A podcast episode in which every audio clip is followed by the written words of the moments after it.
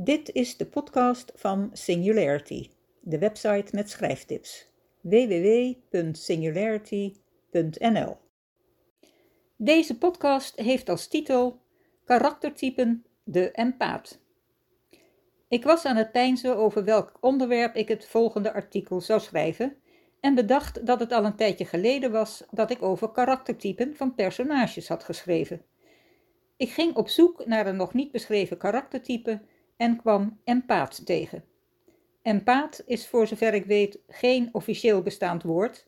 Wikipedia heeft er geen idee van, maar ik snapte wel wat ermee bedoeld werd.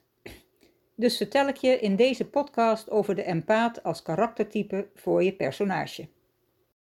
Wat is een empaat? Het woord empaat is afgeleid van empathie. Een persoon die heel empathisch is, kun je een empaat noemen. Als je een personage in je boek een empaat wil laten zijn, moet je haar of hem hevig laten meevoelen met anderen. Mensen, dieren en zelfs planten en bomen. Door dat meevoelen geeft een empaat vaak geld uit aan daklozen, brengt boodschappen naar de voedselbank, haalt een zielig hondje of katje uit het asiel en dergelijke. Het blij maken van anderen is iets waar ze zelf ook heel erg blij van wordt. Een empaat is vaak introvert. Dat kan tot gevolg hebben dat ze in een groep mensen snel uitgeput kan raken van de dingen die ze door haar sterk invoelen opvangt. En mensen die steeds hun narigheid bij, bij haar storten, vreten heel snel haar energie op. Nadelen. Empathie is niet het enige kenmerk van een empaat. Een empaat kan ook overgevoelig zijn, hoogsensitief. Bijvoorbeeld als gevolg van het meevoelen van iets naars.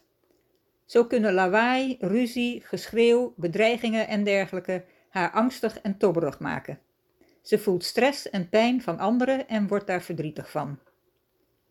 Slecht nieuws, zoals de aanval op Oekraïne, de ontbossing van het Amazone-regenwoud, de uitsterving van diersoorten en dergelijke, raken de empaat ook zwaar. Van foto's of films van zielige mensen en dieren waar ze niets aan kan doen, kan ze beter haar hoofd wegdraaien. Empathen worden daardoor vaak gezien als zwak en te emotioneel. Maar je empaatpersonage kan ook positieve gevolgen van haar sterke empathie en overgevoeligheid hebben. Vrijwel altijd voelt ze zich bijvoorbeeld verbonden met de natuur, kan ze extatisch worden van een veld klaprozen en korenbloemen, van stoeiende jonge vosjes, van een kastanjeboom vol kaarsenbloesem, enzovoort. En dan de aantrekkelijke narcist.